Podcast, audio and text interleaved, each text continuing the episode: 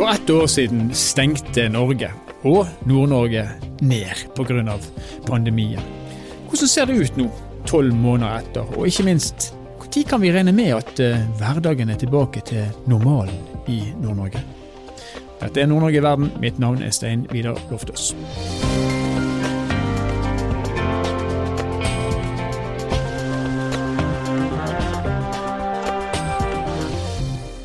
Ørjan Olsvik han er professor i mikrobiologi ved Universitetet i Tromsø.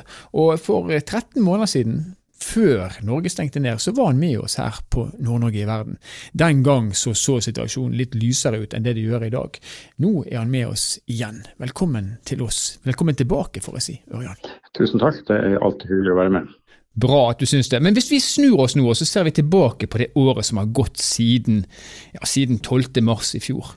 Eh, hva har den utviklingen som vi har hatt, var det som forventa, sånn som du ser det? Nei, eh, det var veldig få som hadde forventa akkurat denne utviklingen. Men uh, noen lignende saker hadde vi nok kunne tenke oss. Men uh, det har vært en del overraskelser, det er ingen diskusjon om. Hvis du ser på håndteringen, da, altså den måten Norge har håndtert situasjonen på, hva tenker du har vært, hva har vært bra, hva har vært eventuelt mindre bra?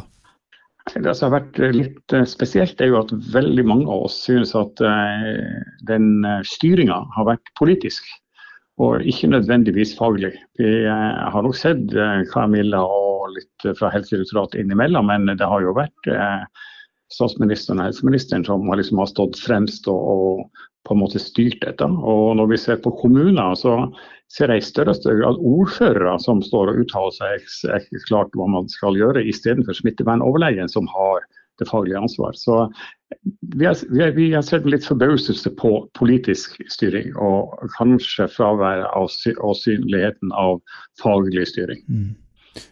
Hva, hva, er den store forskjellen? Hvordan ville det vært hvis man hadde tatt vekk det politiske elementet, tenker du, og overlatt det til, til fagpersonene? Jeg tror man hadde sluppet å ha den lille mistanken om at dette var politikk.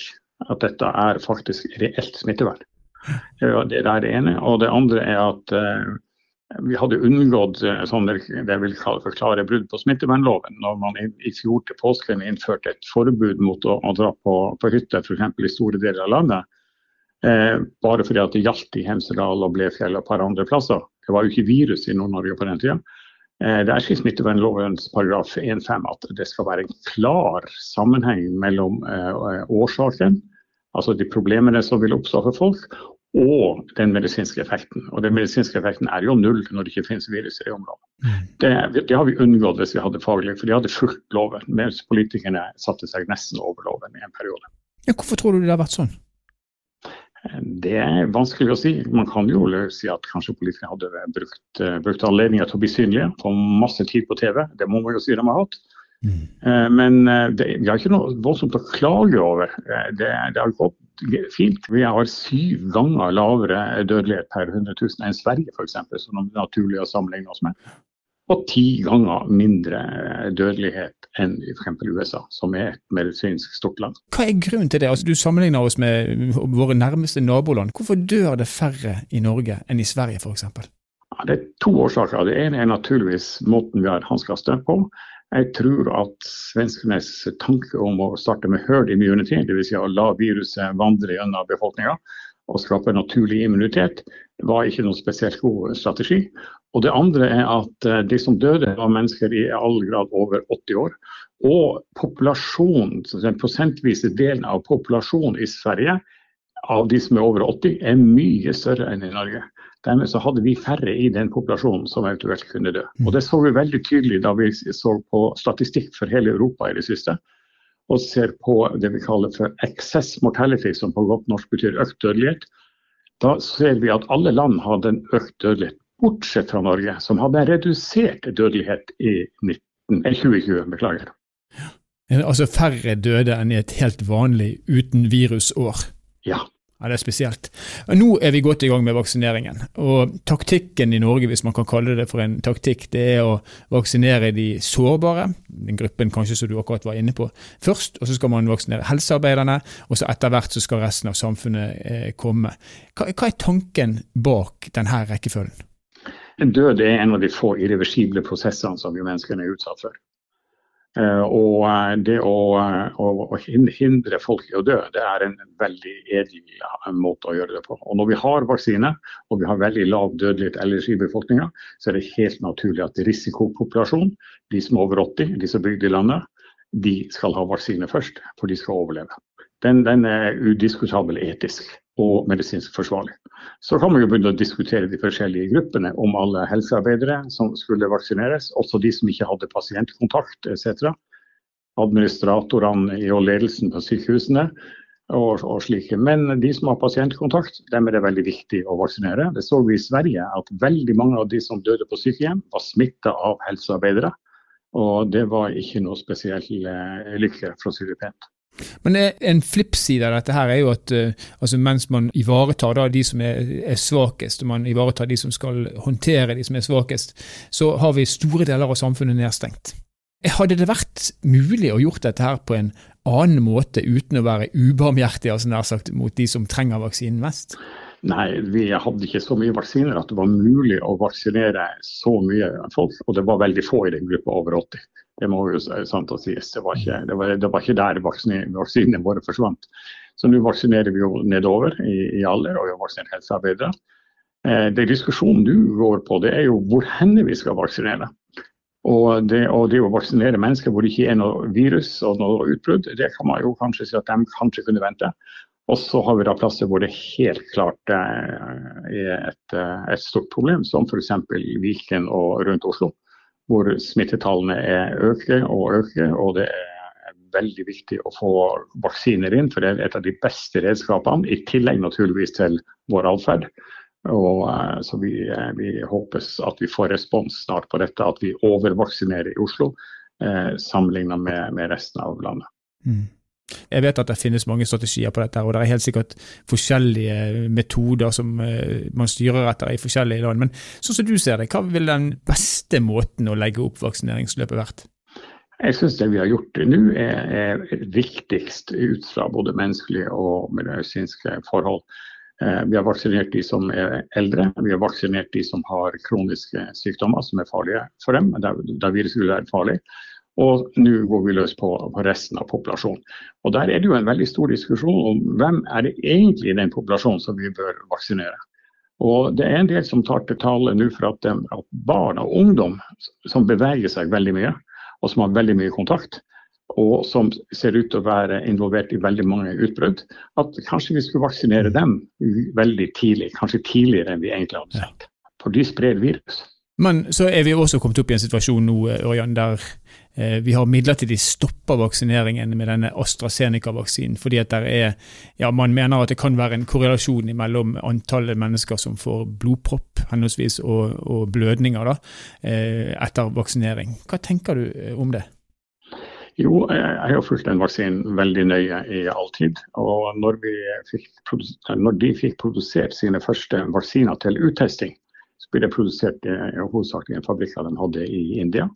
Og eh, de 40 000 så det helt perfekt ut. Det var ikke noe økning i, eh, i insidens på blodpropp og subkutane blødninger og slike ting. Og I England så bygde de en fabrikk som produserte bare for England, til stor irritasjon for EU, som ville ha en del av det. England har vaksinert over fem millioner, ingen indikasjoner på noe som helst. Så har vi en fabrikk i Belgia som av og til ikke kan produsere, og av og til kan produsere, og har rett og slett et eller annet problem med produksjonen sin, som gjør at vi ikke har fått de mengdene vaksiner vi har ønska av AstraZeneca. Jeg ser for meg mulighetene av at det kan være en, en batch eller en produksjonsfeil i, som har gjort at vi har fått en, en økt insidens av meget alvorlig sykdom i forbindelse med med vaksinen. Det er ikke naturlig at man ikke har noen tilfeller av eksempel i England og så har vi tre på et uh, lite område i Oslo i løpet av noen dager. Man skulle jo tro at det å produsere en vaksine på denne måten gjøres på en helt identisk eh, måte, enten det er i England eller det er i Belgia man gjør det. Hvorfor kan sånne forskjeller da eventuelt oppstå? Det er meget komplisert produksjon. Eh, den genet som vaksinekoden ligger i, den har de putta inn i et virus, et adenovirus. og det som er helt ufarlig for mennesker. Og så må man produsere dette viruset. og det er måten å gjøre det på, det bruker cellekulturer. Altså kulturer av, av humane eller dyre, celler som man legger viruset på. og Så begynner de å vokse inn i disse cellene, og så produserer man store mengder. Men denne cellekulturen er veldig lett å bli forurensa med andre ting, f.eks. bakterier og kanskje andre virus. Og det er ikke så lett å rense dette opp igjen etterpå, for du skal ha hele virus i, i vaksinen. Så det er en komplisert produksjon, og de har hatt problemer med akkurat eh, cellekulturene sine i, i Belgia. Er det noe vi bare må leve med? Nå er det tre vaksiner som er levert, og flere er underveis. Vi kan altså aldri være sikre på at den vaksinen akkurat du får, er den samme som eh, eh, ja, kanskje kompisen din eller familien din får. Jeg tror dette her som har skjedd nå, kommer til å gjøre at enten leverer de helt uh, perfekte kjøringer og gode batcher, det kommer ikke flere muligheter av at det kanskje er en produksjonsfeil. Jeg sier kanskje, vi vet ikke, men alt synes å være assosiert med én fabrikk. Vi har ikke sett noen ting fra de andre fabrikkene som har produsert. Så det her er nok en veldig warning. Man driver ikke og leker med vaksiner. Vaksiner er ikke bare et produkt, det er et tillitsprodukt. Og det øyeblikket tilliten er borte, så er det ikke noen som snakker om batcher eller noen ting. Da snakker man om navnet AstraZeneca. Og ingen skal vaksineres med mot sin vilje eller få beskjed om at uh, her har du din AstraZeneca-vaksine. Hvis du ikke vil ta den, så får du ingenting. Slikt skal vi ikke høre. Folk skal få alternativer. Eh, men alternativet til eh, å ikke bli vaksinert er f.eks. å kunne få sykdom. Og, og det får du i mye høyere frekvens og mye skadeligere enn det som kanskje vi har sett til nå med, med vaksinen. Hvordan tror du eh, utviklingen eh, kommer til å bli fremover, hvis vi snakker om Nord-Norge? Når er vi tilbake på et nivå der eh, næringslivet igjen kan drive sånn som de drev før, og vi, jeg og du og alle andre kan oppføre oss i forhold til våre medmennesker sånn som vi gjorde før pandemien? Når vi er oppe i et vaksinedekning på godt over 50-60 kanskje en plass mellom 60, 60 og 70 for enkelte grupper, så vil vi eh, gradvis ikke se flere utbrudd av, eh, av, dette i Norge. Og Da har vi et, eh, et, et, mye roligere verden. Naturligvis vil det være oppstå enkelte tilfeller med sykdom, men vi vil ikke få spredning i den grad som vi har sett til nå, nemlig utbrudd. Sånn som vi ser helt tydelig og klart i Bodø f.eks., med den sør afrikanske varianten, og det alle sånne forskjellige andre også. Vi har den britiske varianten som har skapt mer sykdom og mer sykehusinnleggelse. Vi har mer eh, på, på, respirator nå enn på veldig mange dager. Så eh, vi må få dette bort, og det vil vi neppe se klare effekter på før eh, jeg håper kanskje i, i, i juli-august. Og at vi i september har, har kanskje da frie reiser og slike ting. Og så vet vi da at eh, viruset det kommer jo neppe til å bli helt utrydda. Vi vet at viruset muterer. Jeg leste et sted at eh, det har allerede mutert eh, mer enn 10 000 ganger. Risikerer vi at det går et halvt år, og så har ikke vi immunitet lenger, og så kommer det et, en ny mutasjonsutgave av viruset, og så må vi begynne å stenge ned på nytt? Altså, hvis vi vil lage sånn worst case-scenarioer, så, så, kan man komme opp i slike ting. Men dette, den vaksineteknologien som er introdusert i år, som vi aldri har hatt før, gjør at det er veldig lett å forandre. Vi kan bare endre software, dvs. Si den informasjonen som ligger inne i, eh, inn i eh, vaksinen. Og da kan man uh, ha en helt uh, dekke de nye variantene eventuelt, hvis de skulle dukke opp og, og bli i slike mengder. Men det er jo ikke til nå så ser vi at alle vaksinene gir rimelig bra beskyttelse mot alle de variantene vi har sett. Og jeg tror den såkalte mutasjonsredselen må vi begrense. Det heter jo, jeg vil kalle det i mye større grad for varianter. F.eks. den britiske har 17 forskjellige mutasjoner. Og vi har hatt eh, over 12 000 mutasjoner i løpet av kort, kort tid. Så eh, det vil fortsette å gå. Men jevnt over så vil de fleste av disse mutasjonene medføre at viruset ikke vil fungere som virus lenger. Bortsett fra at som sagt, vi har fått noen få som nå plager oss noe mer enn det vi ønsker. Men du tenker at vi snakker om eh, måneder før at vi er tilbake igjen til en normal? Ja, altså vi, vi kan jo ikke tenke oss at vi skal holde på ut hele dette året. Jeg, eh, hvis vi får klare å vaksinere med den frekvensen vi har nå, og, eh, og, med de tiltakene som vi eventuelt gjør for å hindre spredning av de mest slitsomme variantene, så vil vi nok være i, mål til rypejakta. Det håper jeg inderlig. I mål til rypejakten. Det er deilig å høre at du er optimistisk. Tusen takk for at du kunne være med oss, Ørjan Olsvik, professor i medisinsk mikrobiologi ved Universitetet i Tromsø. Tusen takk.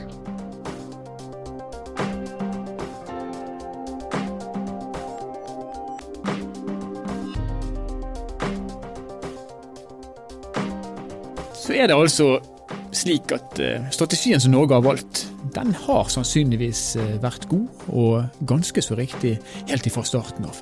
Og hvis det blir sånn som eh, Ørjan Olsvik her håper på, eller mener da, så er det kanskje bare noen måneder igjen til at vi er tilbake til det bortimot det normale. Og i hvert fall i god tid før 2021 ebber ut, så skal det være mulig å både gå på konserter og klemme de man måtte være glad i. Hvis det blir sånn som det ser ut per nå. Og er vi riktig heldige, så er det heller ikke noe direkte kobling mellom eh, vaksinene som sådan og det man har sett når det gjelder blodpropp eller blødninger, men at det kanskje henger sammen med at noen partier av vaksinen rett og slett har vært dårlig. Nord-Norge i verden er en podkastserie som er produsert av eh, Kunnskapsbanken Sparebank1 Nord-Norge i samarbeid med Helt Digital. Musikken du har hørt er laga av Emil Karlsen. Mitt navn er Stein Vidar Loftaas, og vi høres igjen i neste episode.